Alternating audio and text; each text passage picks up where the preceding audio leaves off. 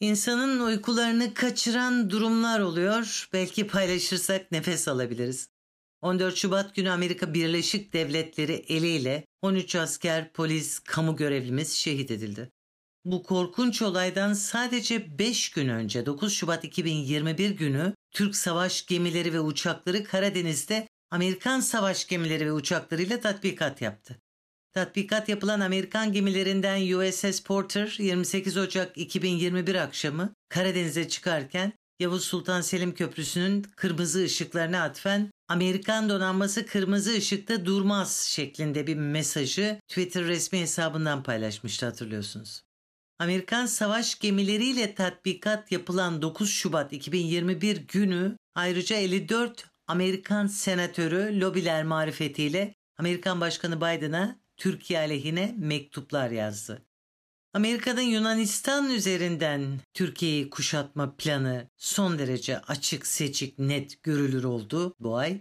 Geçen yüzyıl başında İngiltere'nin Yunan'ı kullandığı stratejinin aynısı hayata geçiriliyor. Amerikan donanması Ege'deki neredeyse bütün adalarda üst kurma hevesinde.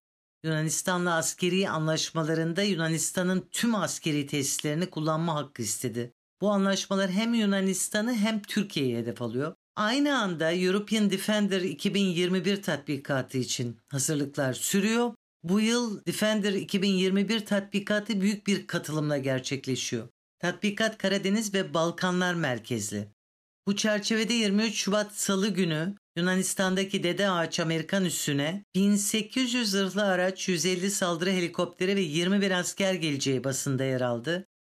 Amerika Türkiye sınırına 50 kilometre olan Dede Ağaç üssüne 7 ayrı seferde dev bir sevkiyat yapacağını açıkladı. Tatbikat senaryosu olarak belirlenen konuda Orta ve Doğu Avrupa'da Rus tehdidi.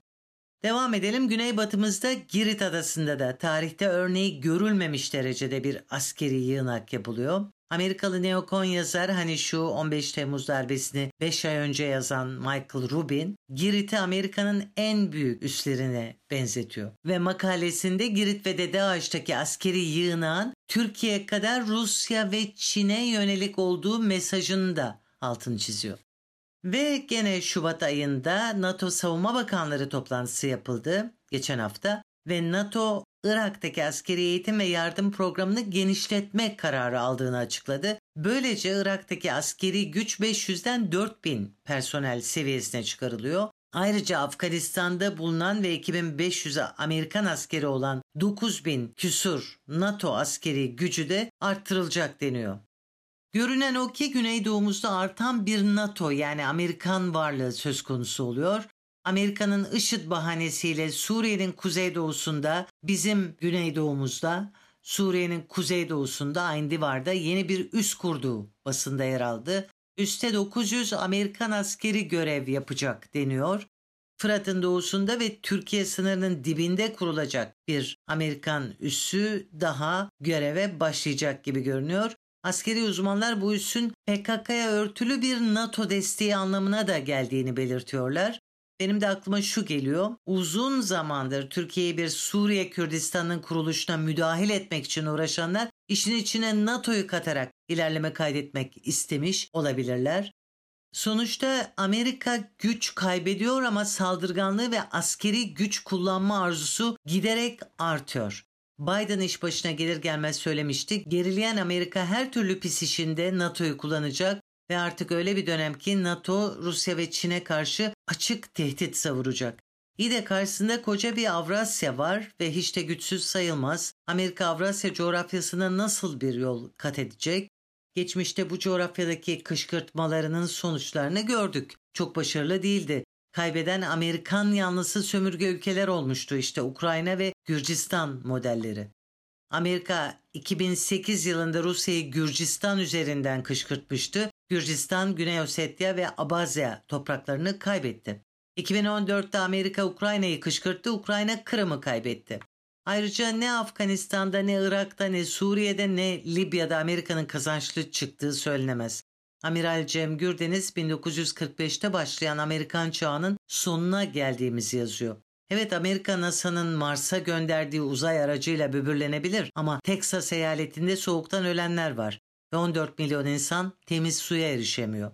Bu arada Pentagon tüm dünyaya özellikle de bizim bulunduğumuz coğrafyaya tehditler savuruyor. Amiral Cem Gürdeniz gerileyen hegemonya başlıklı yazısında Amerika Stratejik Kuvvetler Komutanı Oramiral Charles Richard'ın tüyler ürpertici sözlerini alıntılamış, Oramiral nükleer çatışmayı Amerika başlatmalı mealinde laflar ediyor.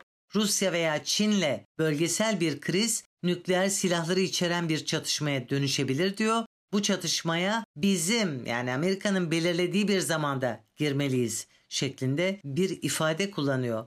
Yani karşı tarafın adımlarını beklemeyelim, biz başlatalım nükleer bir çatışmayı anlamında sözler söylüyor. Deniz Kuvvetleri Enstitüsü yayın organı Proceedings dergisinin Şubat 2021 sayısından alıntılanmış bu sözler. Bir yıl önce de Amerika'nın Avrupa Kuvvetleri Komutanı ve aynı zamanda NATO Avrupa Müttefik Yüksek Komutanı Orgeneral Todd Walters benzer sözler söylemişti. Komutan diyor ki ben esnek mukabele içinde nükleer silahları ilk kullanan olmayı savunuyorum. Yani NATO'nun başındaki Amerikalı komutan diyor ki nükleer silahı ilk olarak Amerika ateşlesin. Birçok uzman gibi e, Cem Gürdeniz'de gerileyen hegemonya başlıklı yazısında Amerika'nın bu tehditkar ifadelerini düşüşe geçmenin göstergesi olarak değerlendiriyor ve orangutan gibi göğsünü dövmesini gerileme ve çökmesine bağlıyor.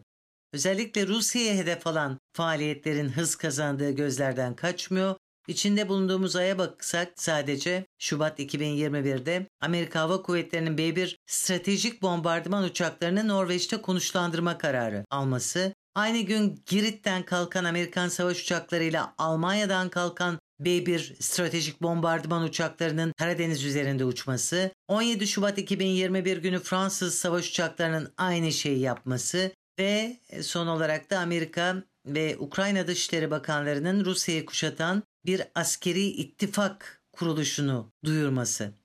Nedir o? İşte Ukrayna, Moldova ve Gürcistan ittifakı kurulmuş ve Türkiye bir yandan Rusya ile ilişkide bütün bunlar olurken bir yandan Amerika'ya ve Avrupa'ya ve NATO'ya sonuna kadar bağımlı. Tam da Atilla İlhan'ın dediği gibi deli gömleğinde bir Türkiye. Amiral Cem Gürdeniz'den onun yazısını alıntılayarak yine bitirelim. Gerileyen hegemonya sorumsuz davranabilir diyor. Önemli olan sorumsuzluğa ortak olmamaktır diyor. Önemli olan büyük jeopolitik oyunu görmek, en uygun rotayı çizebilmek ve her koşulda gemimizi limana sağ salim sokabilmek. Sürekli rota değiştiren, gideceği limanı bilmeyen gemiye hiçbir rüzgar fayda getirmez. O gemiler sürüklenip karaya otururlar.